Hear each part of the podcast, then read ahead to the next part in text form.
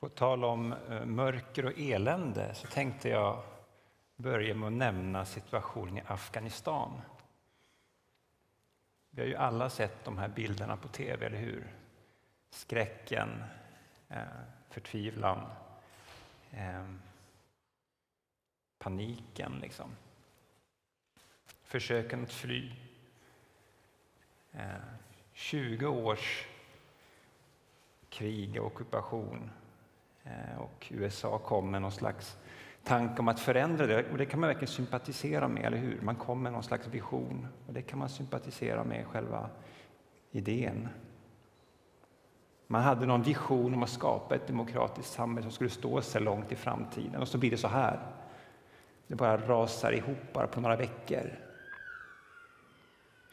Jag har hört sägas att man till och med man, man gick in för det här all in liksom de här, under de här 20 åren. Det var till och med så att man engagerade PR-konsulter för att liksom förstå hur ska vi vinna afghanernas hjärtan. Liksom. Man gick verkligen in för det. Men bara på några veckor så rasar allt. Det är oändligt tragiskt det som har hänt. Och varför tar jag upp det här nu då? Kan man fråga sig.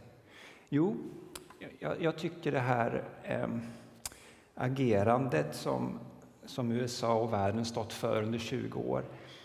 Jag tycker det är ett tydligt exempel på ett sätt att tänka, ett, ett mindset kanske man kan säga, som, som inte följer Guds rikes principer. Alltså den här världens riken, och inte minst då stormakter, eh, tenderar liksom att slå på stort. Liksom. Man drämmer näven i bordet. Här ska stå, skåpet stå. Eh, man dominerar. Man agerar top-down, uppifrån och ner. Och i liten skala så har vi det också i Sverige och egentligen så är det inget konstigt med det kan man tycka. Jag menar, lagar stiftas i riksdagen och majoriteten bestämmer över minoriteten. Det är någon slags top-down. Det är inte samma sak, men det, det finns någonting där som liksom Ehm, ja, det är på något sätt så det fungerar i världens riken. På olika nivåer och på olika sätt. Ibland väldigt oproblematiskt och ibland väldigt problematiskt. Men min poäng här är att det verkar finnas någon slags genomsyrande logik, någon slags sätt att tänka, ett slags mönster. Det är så här det funkar i världen. Det är top-down. Uppifrån och ner. Det är så världens riken styrs. Som sagt, ibland ganska oproblematiskt, men ibland väldigt problematiskt. Och då kan man fråga sig, hur funkar det i Guds rike då? Hur gör Gud för att påverka och få sin vilja igenom? Hur förverkligar Gud sina syften? Vad har Gud för metod?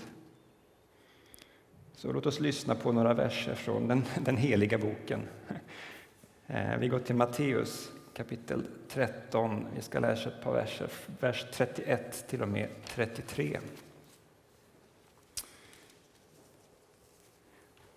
Han lät dem höra en annan liknelse. Himmelriket, och det är samma sak som Guds rike by the way, så det, det, är liksom, det är inte långt borta som himlen långt bort, utan det är Guds rike, det är nära. Himmelriket, Guds rike, är som ett senapskorn som en man sår i sin åker. Det är det minsta av alla frön, men när det har växt upp är det större än alla örter och blir till ett träd så att himlens fåglar kommer och bygger bo bland grenarna. Han använde också en annan liknelse. Himmelriket är som en surdeg som en kvinna arbetar in i tre mått mjöl. Till slut blir allt sammans syrat. Guds rike är som ett litet frö, säger Jesus. Man skulle kunna säga att Guds rike är inte top-down, uppifrån och ner. Det börjar inte i det grandiosa, liksom, utan nej, det är tvärtom. Det börjar i det där lilla som nästan inte märks. Och så börjar det sakta växa. Det är liksom nerifrån och upp. Ser du skillnaden? Det är inte uppifrån och ner, det är nerifrån och upp. I någon mån så är det som att Jesus säger att ja, men Gud han tar inte fram storsläggan. Gud kommer inte med storartade bestämmelser och bud. Så här ska vi göra. Så här ska det vara. Han påtvingar inte sin ordning. Nej, när Gud verkar så börjar han i det här lilla, lilla.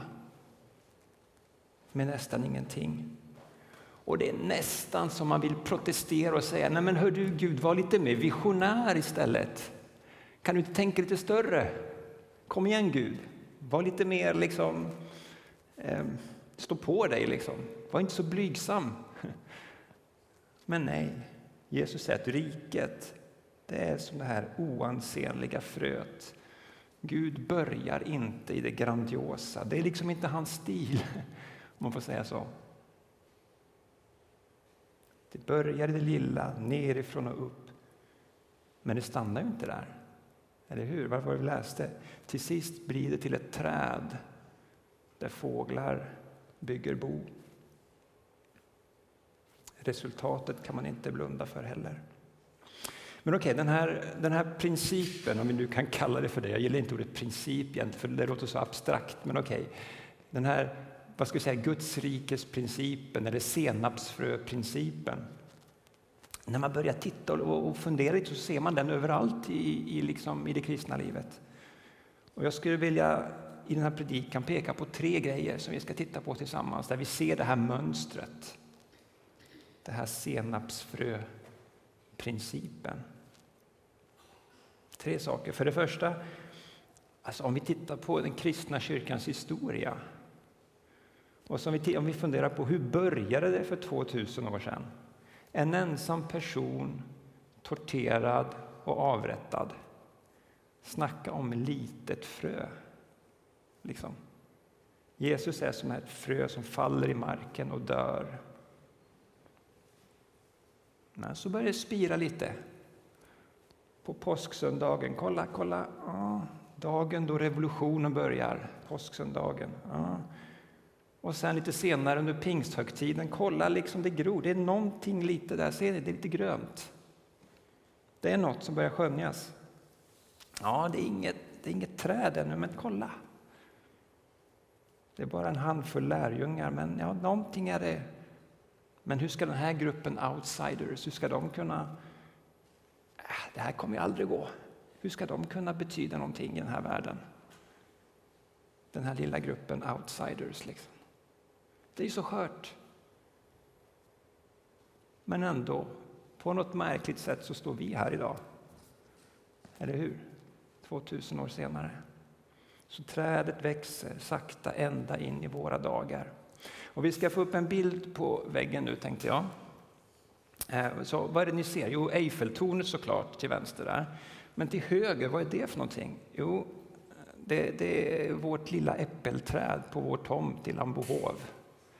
Det är ett sånt här litet träd. Ni vet, eh, vad jag förstår så det är ett sånt här som, som inte har ett rotsystem som sträcker sig så djupt. Liksom, utan de, de förblir ganska små de här träden. Det är typ två, två meter högt max. Och ett ganska så ett rotsystem som då inte söker sig så djupt. Utan man behöver stötta upp det här trädet. Jag tror inte det syns, men man måste stötta upp det annars kan det ramla omkull. Det hände faktiskt en gång när vi var bortresta att, att det var någon storm och träd bara blåste ner. Och våra grannar Aron och Sissi, som vissa av er känner, eh, de var snälla och kom över till oss och drog de upp det där trädet och så tryckte ner pålen igen och band fast det igen. Jämför det med Eiffeltornet. Jag kan lova, det blåser inte omkull i första laget. Det är ståtligt och grandiost. Liksom. Men ändå så har vårt lilla äppelträd i Lambohov det har någonting som Eiffeltornet inte har. Och det är liv. Det där lilla trädet det bär till och med frukt. Jag, jag tog den här bilden dagen efter att vi plockade av, vi skördade massa härliga röda äpplen från det där lilla trädet.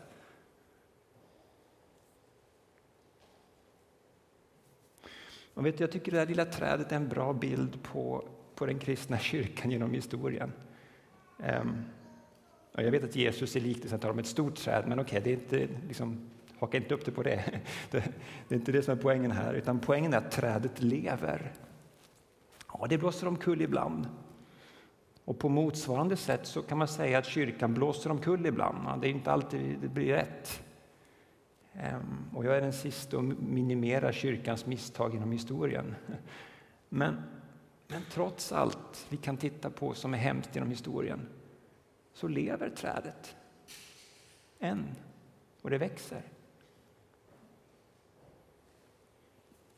Och det kanske inte alltid ser så imponerande ut, men Gud satsar på liv.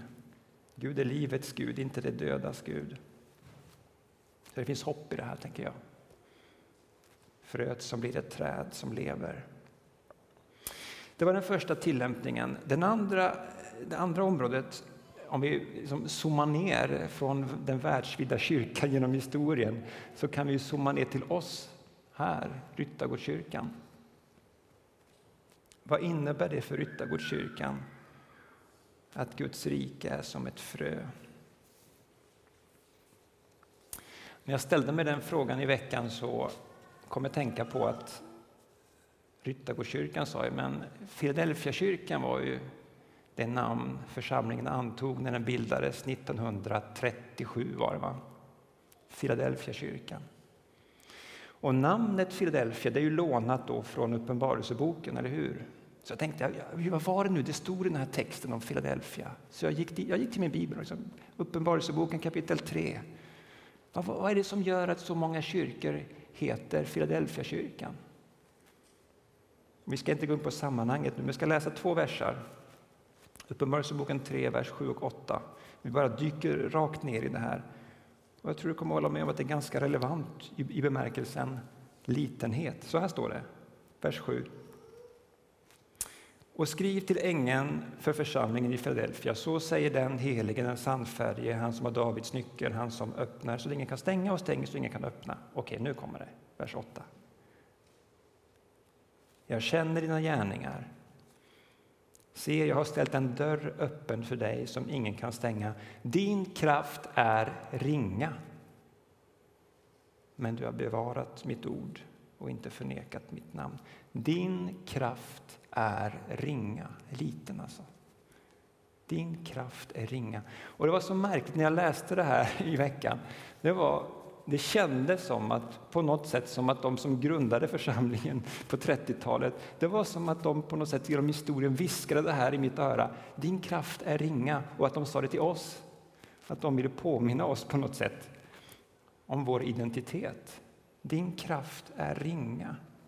Ja, så är det. Ryttargårdskyrkans kraft i oss själva, den är inte stor. Även om vi någon gång kanske inbillar oss motsatsen, kanske ibland. Eh, men vår kraft är faktiskt ringa. Och jag menar, vi ska vara glada för allt det vi har och allt det som är bra. Och poängen här det är inte någon slags konstig kyrklig jantelag, liksom. absolut inte. Poängen är att komma ihåg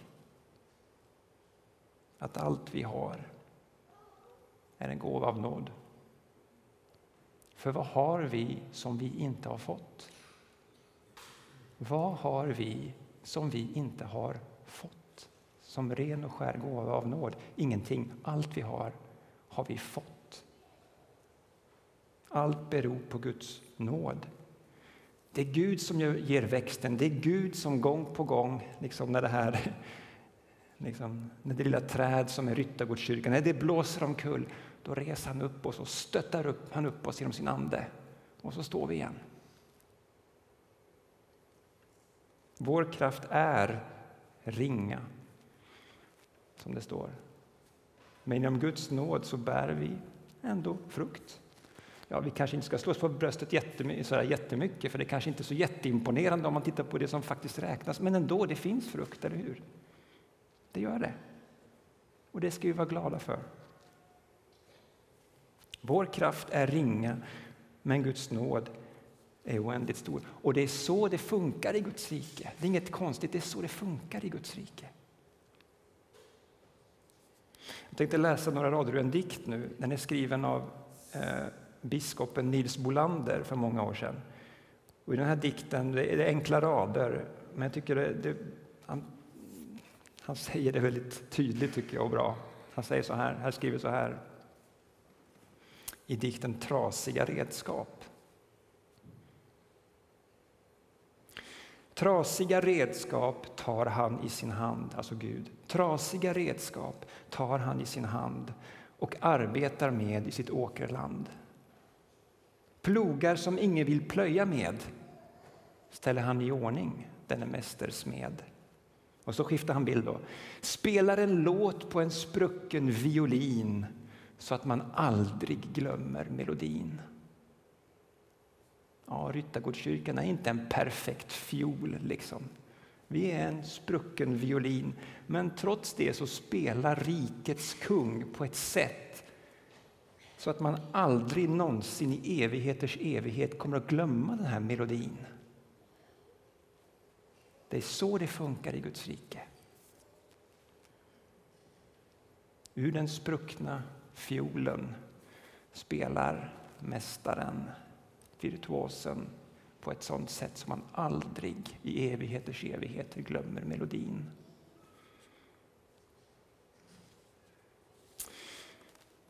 Och så den tredje tillämpningen. Och då vi zoomar vi ner, en, vi zoomar ner på individnivå, på dig och mig. Vad innebär det för dig och mig att vi är medborgare i ett rike som liknas vid det här lilla kornet? Jag vet inte vad du tycker, men jag tycker det är ganska skönt. Jag tycker det är ganska skönt att få vara medborgare i ett sånt rike.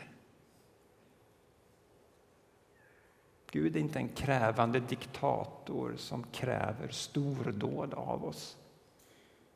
Gud är ingen slavdrivare som står med piskan och, och kräver att du ska utföra grandiosa gärningar, annars blir han arg. Liksom. Nej, Gud är mer som trädgårdsmästaren som liksom vårdar den här sköra plantan. Liksom. Och du och jag, vi har, vi har liv i oss, vi har rikets liv i oss. Det gror här, det är nära. Det är i oss, det är mellan oss, det är i vår gemenskap, det finns här. Det kanske är litet, men det finns där. Det kanske inte är så grandiost, det kanske inte är så spektakulärt, det kanske inte är så där imponerande, men vet du, det är okej. Okay. Det är skönt. Det finns en vila. Det är inte skönt att tänka så? Jag tycker det. Men vet du, det handlar inte om att, att, jag, till exempel, att jag inte bryr mig. Det är inte det vi pratar om nu. Eller att jag inte längtar efter att Gud ska göra mer. Det är klart jag gör det. Men det jag vill åt nu är att försöka beskriva någon slags, någon slags förtröstan på Gud som är så långt ifrån likgiltighet man kan komma. Jag pratar inte om likgiltighet nu, utan jag pratar när jag säger att det är okej okay och att det är skönt. Nej, inte likgiltighet, det är förtröstan. En slags förtröstan som Alltså ett mindset där längtan förenas med vila. Går det att liksom förena de där två, längtan och vilan? Går det att förena dem, att längta jättemycket och att vila? Ja, i Guds rike går det att förena. Titta på ett träd. Trädet stressar inte, det springer inte, det jäktar inte. Det finns en vila i trädet. Och samtidigt, det växer. Det är liv. Det sträcker sig mot solen och så blir det frukt i rätt tid. Så det går att finna ett mindset som förenar längtan och vila. Det är inte motsatser i Guds rike. De hänger ihop. Det är liksom trädets logik på något sätt. Ja. Och när Guds rike tar plats i våra liv så, så är det just den här gudomliga kombinationen av vila och längtan som infinner sig. Det är liksom... Det går, det, det går nästan inte att förklara. Hur kan det finnas vila och längtan, förändringsbenägenhet och tacksamhet? Hur kan det, hur kan det finnas tillsammans? O, i Guds rike finns det. Det är en gudomlig kombination. Guds rike, rättfärdighet, frid och glädje i den helige Ande. Kom till mig, säger rikets kung, så ska jag skänka dig vad då? Vila. Inte en vila som gör dig passiv och försoffad, utan en vila som, som är förenad med växtkraft. Inte stress och press och ångest i Guds rike. Nej, växtkraft.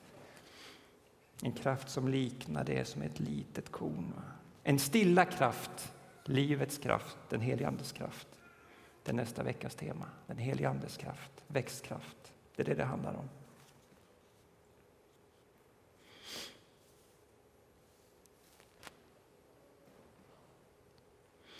En liten parentes tar vi nu. Ehm, dagens bibeltext som jag läste, det fanns faktiskt två liknelser och jag bara pratade om, pratade om den första. Och ehm, om nummer två kommer jag bara säga några, en kort kommentar här bara. Om det här med surdegen.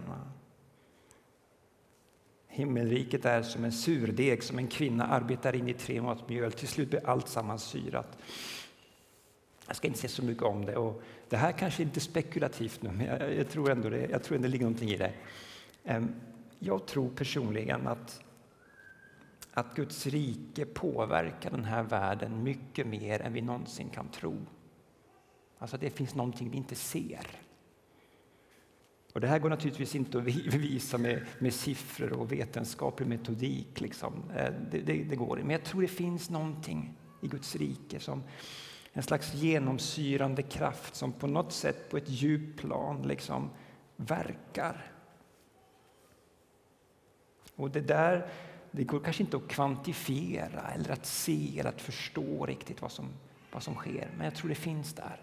Guds rikes kraft som genomsyrar, sakta förändrar, finns där. Liksom.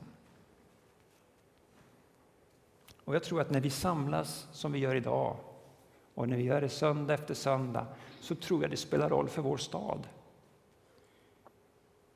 Jag tror inte bara det är någonting som sker här när vi samlas. Jag tror det påverkar vår stad. Kan vi mäta det? Kan vi kvantifiera det? Nej, det är inte det vi pratar om nu. Vi pratar inte om sånt, vi pratar om någonting som liksom går, finns bortom det vi kan ta på. Att vi är med och genomsyrar den här stan på ett sådant sätt som vi kan inte se det. Alltså det, det finns någonting där.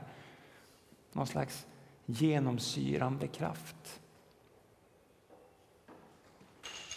Det är något som man, man, kanske måste använda ordet mystik för att kunna beskriva det. Alltså någonting som, som finns där som man inte riktigt liksom kan förklara.